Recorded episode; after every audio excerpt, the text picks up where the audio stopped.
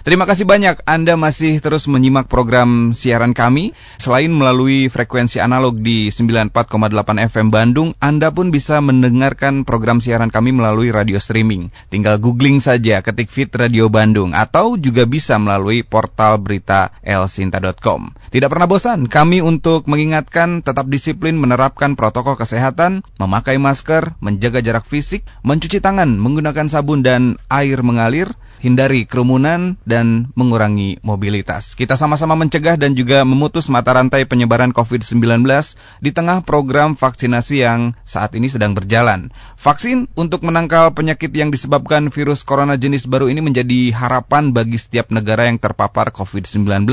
Kurang lebih sekitar sudah sekitar satu tahun lamanya pandemi COVID-19 masih melanda di hampir seluruh negara di dunia. Seperti yang disampaikan sebelumnya bahwa saat ini pemerintah tengah mengusahakan dan juga menjalankan program vaksinasi untuk sekitar 181 juta penduduk Indonesia dalam rentang waktu kurang lebih 15 bulan ke depan. Bahkan Bapak Presiden juga menargetkan bisa jadi lebih cepat pelaksanaannya. Nah, pendengar bagaimana perkembangan pelaksanaan program vaksinasi serta apa saja yang perlu kita ketahui mengenai vaksin dan juga kaitannya kita sudah terhubung bersama Dr. Rodman Tarigan SPAK MKes dari Divisi Tumbuh Kembang Pediatri Sosial KSM Ilmu Kesehatan Anak RSUP Dr. Hasan Sadikin Bandung. Apa kabar dokter? Alhamdulillah Kang Tio Assalamualaikum warahmatullahi wabarakatuh Salam sehat Kang Tio dan para pemirsa Fit Elvinta ya? Ya, betul. Terima kasih. Sehat selalu ya dokter ya. Alhamdulillah, semoga kita semua sehat ya. Amin. Dan pemirsa semua.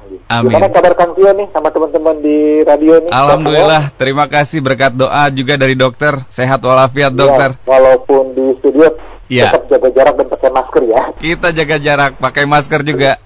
Oke, siap, siap. Baik, Oke, ya. dokter sudah berkegiatan di rumah sakit atau masih berkegiatan di luar dok? Ini lagi di kantor eh, departemen anak di lantai tiga, Mhm. tetap kita jaga jarak, Mhm. kemudian menggunakan. Ini saya lagi pakai masker nih Kang Tio nih ya. Baik, terima kasih dokter sudah menyempatkan waktunya di tengah kegiatan yang begitu padat dari pagi sampai hampir malam begitu ya. Ini Ya. dokter juga sempat Ya. menjadi juru bicara tim peneliti vaksin COVID-19 dok. Dengan kegiatan dengan agenda yang begitu padat, bisa di-share kepada kami tipsnya begitu. Kira-kira seperti apa dokter menjaga badan ataupun juga kondisi tubuh biar tetap fit dan juga sehat dokter? Waduh, ini pertanyaan yang sulit ya. Ya, kita tuh eh, tetap berusaha menjaga kesehatan ya baik Mhm. diri dan keluarga, mungkin ya menjaga pola makan, Hmm. sempatkan olahraga lah. Apa sekarang memang lagi musim goes, tapi saya masih Mhm. masih senang ya Mhm. ke olahraga yang dulu sebelum masa pandemi yaitu jogging Mhm. ya seminggu tiga kali lah eh, lima Mhm. kilometer lah Kang Tio ya Mhm. minimalnya seminggu tiga kali itu aja sih Kang Tio ya ya Baik. sama berdoa lah berdoa kepada Allah Subhanahu Wa Taala semoga ya kita semua diberikan kesehatan dan, dan dilindungi dari penyakit eh, COVID-19 ini Amin. usahakanlah minimal 30 menit kadang bergerak Mhm. Kang Tio ya Baik, terima kasih tipsnya dokter. Baik pendengar, Anda pun bisa berbincang bersama kami dan juga berkonsultasi langsung bersama Dr. Rodman melalui eh, line SMS dan juga WhatsApp di 0811 2102 948. Kami ulangi nomornya di 0811 2102 948 ataupun juga bisa mention kami melalui akun media sosial Twitter. Baik, Dr. Rodman, hari ini kita ingin membahas mengenai vaksin COVID-19, dokter. Iya. Nah, vaksin ini kan memang eh, diharapkan bisa menjadi penangkal begitu penyakit eh, virus corona jenis baru ini. Nah, untuk mengawali, tidak ada salahnya mungkin dokter juga mengingatkan kembali apa itu sebetulnya vaksin dan apa itu vaksinasi serta fungsinya, dokter. baik ya mungkin sebelum saya masuk ke topik Mhm. vaksinnya saya Iya. mungkin eh, flashback sejenak lah ya ke Iya. apa ke mengenai ya mengenai penyakit eh, COVID-19 ini ya. Mhm, mhm. Jadi Kang Tio dan eh, para pendengar ya, jadi pada kesempatan ini saya akan lihat eh, apa kita sebut namanya situasi global ya saat ini ya. Mhm, mhm. Jadi yang terkonfirmasi itu kalau secara eh, dunia itu hampir 80 juta lebih kasus ya eh, para pemirsa ya dan yang meninggal itu eh, mungkin hampir menembus angka 2 juta Kang Tio ya Hmm, yang negara-negara yang cukup tinggi insidensinya Amerika, India, Brazil. Nah, namun di kita juga harus menjadi menjadi concern juga Kang Tio ya. Mhm. Kita amati dari laporan yang dirilis oleh kementerian bahwa angka kita setiap hari menembus eh, di atas 10.000 ribu kan, ya? Iya, betul. Berarti artinya uh, hampir tiap hari terjadi peningkatan kasus ya, mm-hmm. walaupun angka kesembuhannya cukup tinggi. Tapi angka kematiannya sudah di atas 20 ribu nih Kang mm-hmm. ya. Jadi ini saya kira uh, harus menjadi perhatian khusus buat kita semua. Kemudian kenapa vaksin itu diperlukan ya. Mm-hmm. Vaksin diperlukan itu merupakan sebagai alternatif ya selain dari uh, yang kita kenal uh, 3M ya. Mungkin mm-hmm. bertambah menjadi uh, 5M ya. 5M ya, Dok. Tangan, menjaga jarak, mm-hmm. menggunakan masker, mengurangi mobilitas mm-hmm. ya, kemudian mm-hmm. menghindari kerumunan ya. Itu salah satu usaha untuk menekan penyebaran ya. Dan kita tahu bersama bahwa uh, COVID-19 ini dia senang gitu ya, senang dalam arti yang tidak bagus gitu ya. Hmm. pemirsa ya, dia itu ternyata menyerang kelompok terbanyak ya, yaitu pada usia 18 sampai 59 tahun. Hmm. Itu kalau saya tidak lupa, yaitu sekitar 70% itu di populasi di Indonesia, hmm. kelompok hmm. itu yang terkena ya. Hmm. Jadi kelompok yang produktif, produktif banyak keluar rumah, yeah. ya akibatnya. Nah ini salah satu concern juga ya hmm. dari pemerintah ini yang terkena kelompok produktif ya akhirnya terpapar juga apa bersinggungan dengan masalah ekonomi kan kan mm -hmm. ya. Nah kemudian kelompok di atas 60 tahun memang lebih rendah, tapi tingkat kematiannya cukup tinggi ya karena mereka uh, usianya sudah rentan, mm -hmm. imunitasnya juga mulai menurun. Satu mm -hmm. lagi kelompok anak-anak di sini memang masih dikit kasusnya mm -hmm. dibandingkan dengan kelompok dewasa ya. Mm -hmm. Oleh karena itu berdasarkan data-data tersebut WHO selain mencari obat ya kita banyak obat-obat plasma konvalesen sekarang yeah. juga yang paling terpenting adalah pencegahan ya. Mm-hmm. Kalau obat kan di itu orang sudah sakit ya, mm-hmm. menurut saya. Tapi kita tentu ingin preventif ya, mm-hmm. preventif dengan cost yang lebih murah, kemudian dengan bisa cakupan yang lebih tinggi, dengan efek sampingnya minimal. Nah, salah satu upaya dari yang diusahakan Indonesia dan mm-hmm. juga oleh WHO adalah alternatif dengan melakukan vaksinasi. Ini sebagai alternatif. Nah, ini harus urgen secepatnya. Mm-hmm. Kemarin-kemarin kan kita mencari vaksin yang aman, yeah. kemudian efektif, kemudian mm-hmm. halal, kemudian cakupannya atau kemanjurannya bagus dan kemudian juga untuk kita ya, pemerintah atau yang ini Bio Farma mm. mampu untuk memproduksi sendiri. Mm. Nah itu hal-hal itu sudah kita jalani ya, yeah. mulai dari fase sebelumnya sampai sekarang kita melakukan pemberian imunisasi COVID-19 secara masif dan tentu terukur ya dengan siapa-siapa yang harus divaksinnya. Mm-hmm. Itu sebagai pendahuluan kan mengenai uh, kita bahas dulu mengenai pandeminya, kenapa yeah. yang di alternatif yang diambil usia produktif mm-hmm. lebih dahulu, mm-hmm. kemudian kita harus memilih vaksin yang aman, tentu dan tentu dengan mayoritas uh, kita banyak umat uh, Muslim, tentu yeah. kehalalan itu adalah suatu. Baik, terima kasih dokter penjelasan atau pendahuluan awalnya. Begitu, ini memang perlu digarisbawahi bahwa vaksin ini untuk mencegah bukan mengobati begitu ya dokter ya? Betul. Jadi sebetulnya uh, Kang Tio dan pemirsa ya yeah. uh, kita itu sebelum kemerdekaan ya sebelum kemerdekaan bangsa kita sudah mengenal namanya vaksinasi. Jadi hmm. itu sebetulnya sudah bagi kita terutama bagi teman-teman yang kalau dulu istilahnya uh, pelaksana vaksinasi itu namanya jurin Kang Tio ya waktu saya masih pusmas hmm. di sini yeah. yang hadir ada teman-teman para sejawat jurin hmm. kalau sekarang diistilahkan sebagai vaksinator. Ya, sebetulnya bukan hmm. hal yang baru kalau buat kita dan Indonesia hmm. mengenai vaksinasi ini. Hmm. Itu kan Tio, ya. Baik, hanya mungkin metodenya yang baru begitu ya, dokter? Nah, bukan, kalau yang baru bukan metodenya kan Tio. Oh. Mungkin yang baru vaksinnya ini. vaksinnya ini. Ya. Betul, banyak banyak pertanyaan yeah, kan, yeah. kenapa kok dalam waktu 9 bulan ya mm -hmm. vaksinnya sudah ada. Yeah. Ada juga yang menanyakan ke kami dokter kan, kok kesannya dalam tanda kutip ya kan, Betul. kesannya kok seperti BPOM seperti mm -hmm. ada dalam tanda kutip ada mhm. desakan mm -hmm. atau MUI kok mm -hmm. apa setelah ada BPOM MUI dulu yang mengeluarkan mm -hmm. itu sebetulnya mereka semua itu mengikuti Kang Tio ya. Mm -hmm. Jadi BPOM dan MUI itu mengikuti kegiatan uji klinis mm -hmm. yang di Bandung ini. Mm -hmm. Jadi uji klinis apa yang di Bandung ini kita dipantau ya, dipantau yeah. mulai dari saat mengajukan izin ke komite etiknya, mm-hmm. kemudian pelaksanaannya. Mm-hmm. Jadi kita itu dipantau dan uh, selama uji klinis ini uh, relawan itu adalah uh, hal yang diutamakan. Mm-hmm. Mereka harus terlindungi, harus mendapatkan keuntungan dari uji klinis ini. Mm-hmm. Ya, kalau kita lihat MUI pun uh, ketika kita mulai di bulan Agustus Tio ya. Iya. Itu MUI bulan Oktober mereka sudah sudah mencari data ke negara asalnya.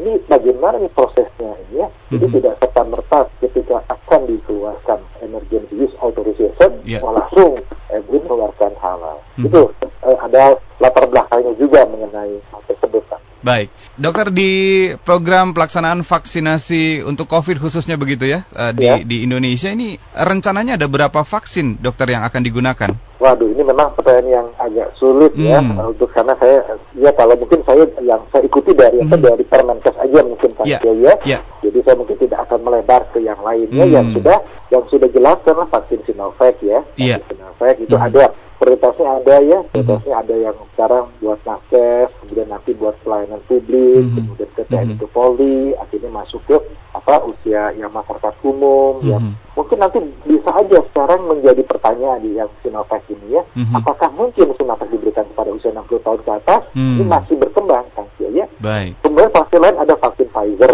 ya, yang Iya. sudah ada vaksin AstraZeneca, ada Iya. Moderna, ada juga Novavax dan juga vaksin merah putih ya. Dan Baik. juga ini eh, ternyata kita alhamdulillah jadi kita sebetulnya bangsa kita ini mempunyai SDM yang banyak ya, Hmm. ya. Mhm. Kita dipercaya kembali ini untuk melakukan beberapa uji klinis vaksin COVID-19 kan Mhm, ya. mhm, mhm. Jadi ada beberapa eh, pabrikan, beberapa negara yang yang percaya ya, yang percaya kepada kita dalam Mhm. hal ini mungkin percaya percaya kepada FK Unpad dan Rumah Sakit Hasan Sadikin Mhm. mereka tertarik dengan apa dengan keberhasilan uji klinis yang dilakukan oleh FK Unpad RSAS ada Mhm. beberapa eh, apa negara yang ingin melakukan uji coba Indonesia Hmm. dan ini seharusnya di- di- disambut gembira oleh kita semua ya Mhm. dan Dia mungkin saya berpesan kepada pendengar semua Iya. kita harus memberikan apresiasi kepada relawan ya Betul. kita harus berikan apresiasi kepada relawan mereka ingin mendapatkan vaksin yang terbaik nah Mhm. kita selama dalam uji klinis kalau kita tidak mendapatkan relawan Mhm. tentu kita tidak akan tahu kemanjuran vaksin tersebut masyarakat relawan itu adalah sebagai uji percobaan saya kira Hmm. jangan dilabelkan ke Hmm. sama mereka kan Tio. Baik, Itu baik. kan Tio. jadi perkembangannya cukup banyak ada sekitar 5 6 vaksin Iya, ya iya. merah, merah putih dan ada eh, saya tidak sebutkan dulu ada dua tiga Hmm. kandidat vaksin yang akan diuji coba. Oh masih ada ya dokter ya? Masih ada Iya ya? karena kita ingin mencari kan kita ingin Hmm. ten- tentunya eh, dengan jumlah penduduk berapa kemarin 280 juta kan? Iya. Ya tentu pemerintah harus Mhm. menyediakan eh, sekian juta vaksin Mhm, mhm. dikali dua berarti Iya. sekian juta dosis untuk kebutuhan masyarakat Indonesia. Jadi untuk mencapai apa ya? Untuk mencapai tadi herd Mhm. immunity tadi Tio. Baik, terima kasih dokter. Menarik tadi mengenai vaksin merah putih ini seperti apa perkembangannya dokter? Wah ini vaksin merah putih saya sendiri tidak terlibat kan Tio ya. Hmm. Nah, itu tidak saya tidak terlibat langsung. Iya. Jadi mungkin ya kita berharap ya Iya. berharap vaksin merah putih yang ini karya anak bangsa ini Mhm. ya bisa memberikan hasil yang baik ya lulus pada fase prekliniknya Ya. kemudian fase klinik yang satu dua tiga lulus dan bisa menghasilkan keamanan yang bagus, Mhm. kekebalan yang bagus, dan tentu juga kemanjuran yang bagus. Nah ini tentu harapan saya pribadi dan tentu harapan seluruh masyarakat Indonesia terhadap vaksin merah putih ini kan Tio. Baik, harapan kita semua ya dok ya. Betul betul itu ya dari anak bangsa kan Tio ya. Karya anak bangsa betul sekali. Dokter tadi juga dokter sempat menyampaikan bahwa diharapkan bahwa Sinovac ini bisa digunakan untuk yang berusia 60 tahun ke atas ke depannya begitu Iya. ya berikutnya. Betul betul Nah, ke depannya ya. Ini alasannya apa dok? Hingga yang saat ini apakah memang karena COVID menyasar usia produktif tadi atau ada pertimbangan lain dokter hingga memang yang berusia 60 tahun ke atas ini belum bisa mendapatkan Baik, vaksin? ya. Pertanyaan yang bagus dan ini sering ditanyakan juga kepada kami dan juga mungkin teman-teman yang di, apa di, di lapangan ya. Mhm. Saat ini Kang Tio ya kan uji klinis kami adalah usia 18 sampai 59 tahun ya. Mhm. Kita sudah tahu bersama ya efikasinya alhamdulillah Kang Tio ya di atas eh, batas ambang WHO. Mhm. 50 persen, kita 65,3 persen. Mhm. Tapi efikasinya baik ya, bisa Mhm. melindungi individu tersebut terpapar dari penyakit COVID-19 kita 65 persen. Nah, kenapa eh, saat ini masih 18-59 tahun, Iya. kenapa belum di atas 60 tahun atau belum di atas, eh, belum di bawah 18 tahun? Nah, ini nanti Mhm. ada beberapa penelitian kan ya, beberapa penelitian di luar sana sudah diuji cobakan kepada usia di atas 60 tahun. ya, Mhm. dan juga di bawah usia 18 tahun. Nah, nanti kita tunggu saja Kang ya hasil uji di negara lain Mhm. pada usia di atas 59 tahun. Iya. Kalau ternyata memberikan hasil yang bagus, why not? Mengapa tidak? Bisa kita berikan. Karena kita tahu di sini eh, populasi kita dari 60 tahun cukup banyak dan mereka yang kita sebut apa geriatri atau Mhm. atau apa atau masyarakat elderly itu dengan apa kan eh, angka harapan hidup masyarakat kita sekarang sudah tinggi ya Tio ya. Iya. Saya lupa berapa apa 65 tahun apa berapa tahun. Jadi Mhm. mereka masih produktif tuh ya. Mereka masih masih banyak berusaha, masih banyak berkarir atau mengajar dan Mhm. mereka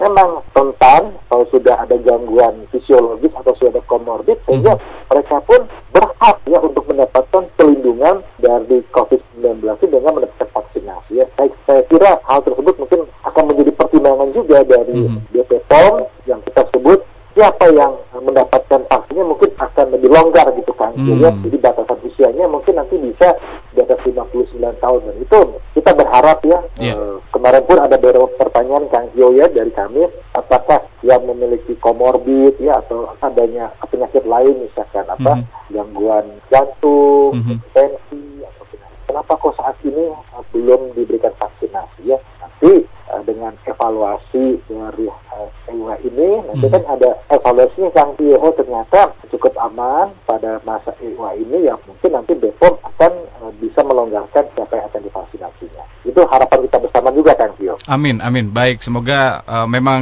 bisa sesuai dengan harapan yang kita inginkan begitu ya, dokter. Nah, Baik, ya. se- sedikit saja. Program vaksinasi yang tahap awal ini kan sudah mulai berjalan ya, dokter ya. Ya, Nah, betul betul. Untuk dosis pertama sudah dilakukan. Dosis keduanya ini rentang berapa hari, dok? Ya, itu eh, kita saat ini karena menggunakan emergency itu kita Iya. 14 hari ya sesuai dengan uji klinis jadi rentang dosis yang keduanya itu adalah 14 hari dari dosis yang pertama. Demikian, 14 hari, ya. baik. Ya. Baik, terima kasih dokter. Pendengar Anda pun bisa berinteraksi bersama kami dan juga berkonsultasi langsung bersama Dr. Rodman. Boleh untuk menghubungi line WhatsApp di 0811 2102 948. Kami ulangi nomornya di 0811 2102 948 ataupun juga SMS ya. Dan juga bisa mention kami melalui akun media sosial Twitter. Baik, dokter kita berlanjut. Dokter, apakah atau seperti apa sebetulnya efek samping yang bisa dirasakan seseorang setelah divaksinasi atau divaksin COVID-19 ini, dokter? Oh, aduh, ini pertanyaan yang bagus. Iya, mungkin eh, pertanyaan titipan juga Kang Tio ya dari komentar admin saya. Jadi, Iya. nah ini kita harus membedakan Kang Tio tadi saya di awal depan membedakan vaksin dengan obat Kang Tio ya. Mhm. Kalau obat diberikan kepada orang yang sakit ya. Mhm. Jadi kalau vaksin diberikan ada kepada orang yang sehat ya. Iya. Jadi misalkan contoh ya ada seorang dia demam ya kemudian datang ke dokter mendapatkan obat ya. Mhm. Kata dokternya bu ini mungkin demamnya masih berlanjut ya. Mhm. Mhm. Jadi mereka akan eh, apa tidak akan bertanya banyak karena sudah dijelaskan sama dokternya mungkin panasnya bisa berlangsung selama lima hari. Mhm. Tetapi kalau vaksin diberikan kepada orang yang sehat, sehat dia kan datang kan ya. Iya, iya. Kemudian setelah divaksin timbul demam. Nah Hmm. ini yang harus kita perhatikan harus kita concern ya. Iya. Namanya dalam imunisasi ya kejadian yang timbul setelah pasca imunisasi kita sebut KIPI Hmm. atau kejadian ikutan pasca imunisasi. Mhm. Apa itu KIPI? Itu adalah semua kejadian, terutama kejadian medis ya atau kejadian kesehatan ya misal yang terjadi Mhm. setelah pemberian imunisasi, tetapi nah ada tapi Hmm. diduga, nah ya, Hmm. diduga oleh karena imunisasi. Nah dengan ada kalimat diduga itu artinya apa? Belum tentu Hmm. oleh karena pemberian imunisasi Mhm. bisa sebab lain. Nah, Mhm. itu Mhm. yang sering masyarakat awam ya saya tidak menyalahkan Kang ya Iya. mungkin mungkin belum teredukasi Mhm. jadi akhirnya Mhm. tuh gara-gara divaksin anaknya demam ya biasanya eh, seringnya ini kan muncul pada anak-anak yang habis diimunisasi timbul demam nah Iya. itu yang disebut dengan kipi nah sekarang kita kembali ke kejadian ikutan pasca imunisasi vaksin Sinovac ini ya Mhm. dari berbagai data yang kami lakukan ya di Bandung ini yang cukup banyak kejadian ikutan pasca imunisasinya sebanyak 20% adalah nyeri kemudian ada bengkak dan pegal di, di lokasi suntikan Kang Tio. Hmm. Nah, itu dan kami juga mendapatkan yang di Kota Bandung, yang di Mhm. Jawa Barat juga ya, Mhm. teman-teman yang di lapangan memberikan laporan memang paling banyak datanya demikian. Hmm. Ada juga datanya eh, ini sesuai dengan yang juga juga Tio, ada yang Iya. mengantuk ya. Oke. Dia mengantuk, tidurnya lebih enak, Hmm. nafsu makannya bagus. Hmm. Nah, itu. Dan itu memang Hmm. pada saat uji klinis pun muncul demikian. Dan kemarin Hmm. ada beberapa teman sejawat dan juga nakes yang lain Mhm. eh, nanya ke saya, Dr. Rahman, oh Mhm. iya memang ada yang ada yang eh, demikian. Jadi ketika setelah diimunisasi Iya. ada rasa ngantuk, biasanya tidurnya malam ini lebih cepat dan Mhm. dan, dan alhamdulillah katanya bangunnya dia seger. Lebih segar ya? Gitu, ya. Hmm. Jadi alhamdulillah juga kami mendengarnya ya. Iya, nah iya. untuk yang demam itu eh, angkanya eh, kecil ya kan sih satu Mhm. persen Mhm. ya. Jadi dari 100 hanya satu yang demam dan demamnya juga tidak mencapai 38 ya. Dan Hmm. eh, dalam waktu 24 jam Iya. sudah kembali ke suhu normal kembali. Mhm. Jadi itu jadi kepada para pemirsa yang mendengar, Mhm. jadi tidak usah ada keraguan lagi, Hmm. tidak usah ada kegalauan ya. Iya. Jadi dengan adanya apa press release atau informasi dari bahwa vaksin ini aman, ya, Mhm. Mhm. tidak menimbulkan hal-hal yang dikhawatirkan, Iya. ya itulah ini kita harapkan baik itu nakes maupun masyarakat nantinya untuk segera mendapatkan vaksinasi ini. Itu kan. Jadi Baik. insya Allah aman kan Tio ya. untuk Baik. Amin, amin. Ya, amin. Tidak juga masyarakat bisa termakan hoax begitu ya, lebih baik Ah, bertanya itu kepada sekali. ya. Jadi Iya. ini kalau kata Dirjen WHO kan Tio ya, Mhm. jadi kita itu bukan hanya mengatasi pandemi yang sekarang jalan, Mhm. tapi juga kita mengatasi yang kita sebut namanya eh, misinformasi Hmm. dan juga mengatasi disinformasi dan mengatasi hoax ya. Mhm. Jadi jadi itu yang kita hadapi baik itu Kemenkes, teman-teman di rumah sakit, Mhm. bukan hanya bagaimana memutus mata rantai penyebaran COVID-19 ini, tapi juga kita harus mengatasi berita-berita yang sifatnya apa? Misinfo ya. disinformasi, Mhm. misinformasi dan akhirnya timbul hoax itu Mhm. kan. Tio, Baik. ya. Ini juga diperlukan tekad begitu dari para tenaga kesehatan untuk terus mengedukasi begitu dokter ya. Betul betul betul ya. Baik, dokter ini sudah banyak sekali yang bergabung bersama kita dokter. Ada Ibu Wine di Jati Handap. Dokter, izin bertanya kalau kita sudah divaksin, berapa lama kita akan terlindung dari paparan virus itu, dokter? Nah ini bagus sekali pertanyaannya. Jadi Hmm. jadi begini ya eh, Ibu yang di Jati Handap ya Kang Tio ya. Ya, betul, Ya. Ibu Wine. Jadi vaksin itu adalah salah satu upaya untuk mencegah seseorang dari sakit kan Tio ya. Hmm. Selain upaya yang tadi yang 3M ditambah dengan 2M. Jadi 5M dan tentunya ada lagi ketiga T ya. Mhm. Jadi ini perlu saya garis bawahi dengan bold underline gitu ya. Ya. Jadi ada pertanyaan ya, dok, kenapa seseorang setelah divaksin bisa sakit? Mhm. Ya, perlu saya jelaskan bahwa vaksin tidak 100% seseorang terhindar dari sakit tersebut. Baik. Namun ada kalimat selanjutnya ya. Mhm. Namun kalaupun seseorang itu terpapar ya penyakit Hmm. apa pun Mhm. setelah divaksin gejalanya akan lebih ringan. Itu Kang Tio. Itu Hmm. manfaatnya. Hmm. Dan itu jadi untuk pertanyaan berapa lama vaksin COVID-19 ini yang Sinovac ini bisa me- apa, memberikan perlindungan. Mhm, Nah, mhm. kita berharap semoga Kang Tio ya Ya. dengan data kemarin yang data 14 hari Mhm. kita sebut namanya angka imunogenitasnya kan Mhm. Tio ya Mhm, angka mhm. kekebalannya itu 90% kemudian tiga bulan kemudian eh, masih 19 19 persen nanti di enam bulan nanti kita lihat ya Ya. kalau angkanya masih cukup tinggi di atas 90 ya dari tim peneliti berharap nanti ya Mhm. berharap semoga bisa memberikan perlindungan selama satu tahun Kang Tio. Nah, ya, karena Baik. kita semua vaksin-vaksin yang ada sekarang beredar ya kita yang sedang diberikan Mhm. vaksin-vaksin biarpun mereka belum bisa mendeklar vaksin merek A ini bisa memberikan perlindungan selama setahun, dua tahun atau tiga tahun Kang Tio. Hmm. Ya. Jadi dari berbagai uji klinis untuk Ya. vaksin ini memberikan daya lindung selama setahun itu sudah eh, apa sudah bagus lah Mhm. eh, dari Mhm. sisi uji klinis ya. Baik. Itu mungkin eh, pertanyaan jadi untuk berapa lamanya Ya. saya bisa belum bisa menyampaikan detailnya berapa lama kan Tio. Durasinya ya, begitu ya. Baik. Yang tadi dokter sampaikan berarti kemungkinan masih tetap ada begitu ya, tetapi dengan gejala yang lebih ringan begitu ya, dokter ya. Betul betul ya. Jadi ini mungkin sama dengan orang tua yang memiliki balita Mhm. ketika divaksin Mhm. di posyandu atau di puskesmas Ya. misalkan contohlah divaksin campak ya Mhm. kemudian timbul campak anaknya "Ah, dok ini anak saya udah divaksin campak kok bisa timbul campak Hmm. tapi gejalanya bagaimana bu oh hanya demam saja dok kemudian habis itu hilang atau timbul merah-merah nah Hmm. tetapi kalau anak tersebut tidak mendapatkan vaksin campak ya. Kang Tio dan para pemirsa Iya. mereka bisa berkembang menjadi menjadi komplikasinya. Hmm, baik. Jadi jadi apa? Jadi radang paru-paru, bahkan bisa menyerang ke otak. Mhm. Demikian penjelasannya mudah-mudahan bisa lebih memahami Mhm. eh, tentang vaksinasi COVID-19 ini. Baik, terima kasih dokter penjelasannya. Kita menyambung ada Bapak Edward di ujung berung. Eh, dokter, kalau kita sudah divaksin, apakah memang kita terlindung dari paparan virus corona? Ya kita eh, kalau sudah dua kali ya, ya Hmm. dua kali kita Iya. dengan tadi angka kita sebut efikasi atau angka kemanjuran, Mhm. yaitu memberikan perlindungan sebesar 60% ya. Mhm. Kalaupun terkena, saya ulangi, kalaupun terkena gejalanya akan lebih ringan Hmm. atau akan lebih tingkat beratnya penyakitnya itu lebih ringan dibandingkan individu yang tidak mendapatkan vaksinasi COVID-19. Itu Baik. mungkin eh, jawaban dari saya untuk? Bapak Edward, baik. Bapak Edward. Berarti memang vaksin ini sebagai pelengkap untuk protokol kesehatan juga yang tetap harus dijalankan begitu ya dokter ya? Ya, sebaiknya demikian Kang eh, Hmm, ya. Baik, baik.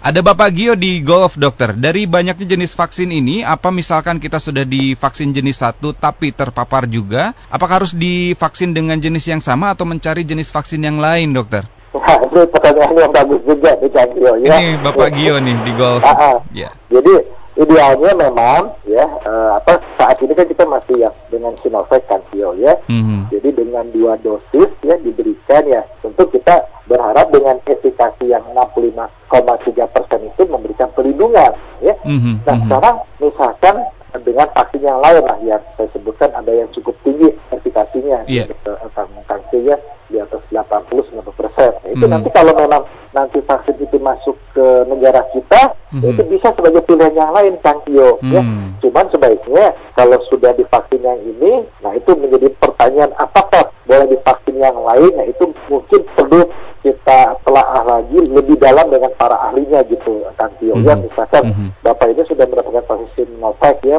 dengan angka sekian, ah saya nanti nunggu vaksin yang berikutnya mau divaksin lagi. Ya Hmm. itu memang perlu dipertanyakan lagi apakah harus diberikan atau cukup dengan vaksin yang sudah diberikan sebelumnya. Mhm. Gitu Kang Tio ya. Baik, terima kasih dokter. Tapi tidak ada patokan dosis begitu ya untuk vaksin, dokter? Ah, ada ada. Oh, ada ya?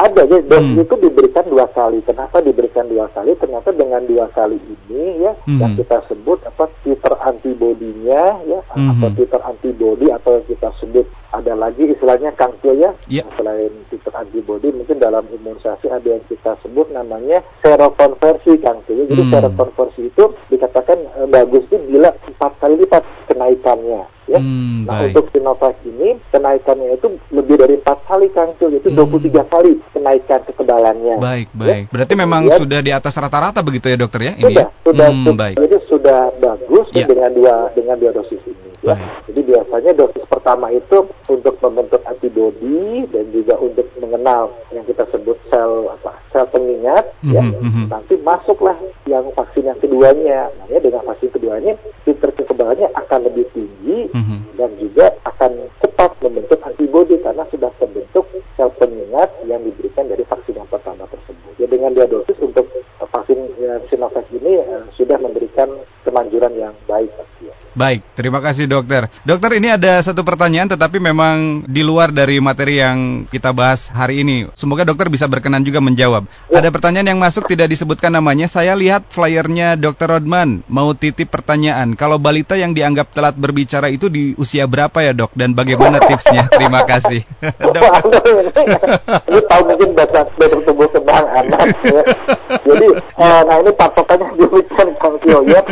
Jadi ada yang kita sebut namanya milestone ya, milestone perkembangan ya. Hmm. Ada yang kita sebut namanya red flag atau tanda merah. Biasanya patokan demikian Kang Tio ya. Hmm, hmm, hmm, Ketika bapak ibu punya bayi usia tiga bulan, Hmm. ya belum bisa senyum hati-hati. Hmm. Oke, ya. Iya, Kemudian usia enam bulan dia ngocehnya belum muncul, ya. Mhm. Nah biasanya orang tua itu belum lah di situ kan Tio baru Hmm. pada di usia 18 bulan, 20 Hmm. 18 bulan, Iya, dia belum bisa manggil ayah ibunya, misalkan belum bisa manggil papa mama, iya, iya. atau dipanggil seolah-olah tidak mendengar Mhm. atau tidak bisa menunjuk, ya. Mhm. Kemudian kontak matanya tidak ada, Mhm. ya hati-hati. Biasanya Hmm. gejalanya yang paling jelas muncul di usia 18 bulan. Itu mungkin eh, sedikit Baik. Nah, jadi jangan datang ke dokter anak Mhm. ketika anak usia 2 tahun lebih tiga tahun hmm. masih berbahasa planet atau babi gitu.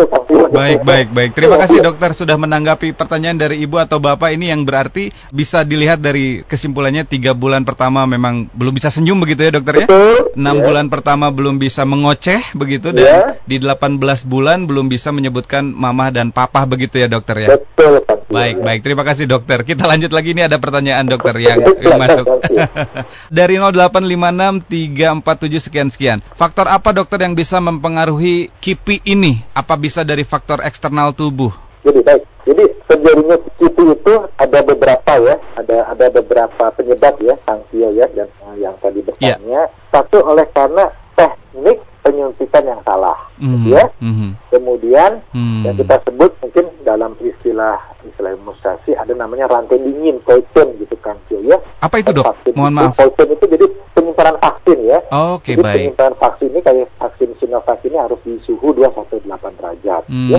Gitu ya. Jadi tadi teknik ya, teknik mm-hmm. pemberian, penyimpanan ya, mm-hmm. atau juga mungkin ya kita harapkan ini tidak terjadi kan ya ya. Mm-hmm. Misalkan vaksinnya apa cacat, kualitasnya tidak bagus, mm -hmm. ya mm-hmm. itu kejadian itu yang yang lainnya adalah misalkan dia itu ketika di apa ketika divaksinasi yeah. keadaan sakit Nah itu jadi bisa, jadi bisa berpengaruh pada kejadian ikutan pasca imunisasi. Hmm. Jadi ada ada faktor memang tekniknya yang salah, kemudian kualitas vaksinnya, tapi insya Allah kalau kualitas vaksin hmm. ya mulai tahap uji klinis biasanya uh, apa bisa diabaikan faktor ya. Kemudian hmm. teknik penyimpanan vaksinnya, coachingnya, dan juga mungkin hmm. ada penyakit lain ketika divaksinasi orang tersebut sebetulnya sedang menderita sakit. Itu beberapa faktor yang mungkin uh, bisa menjadikan KIPI pada seseorang yang telah diimunisasi.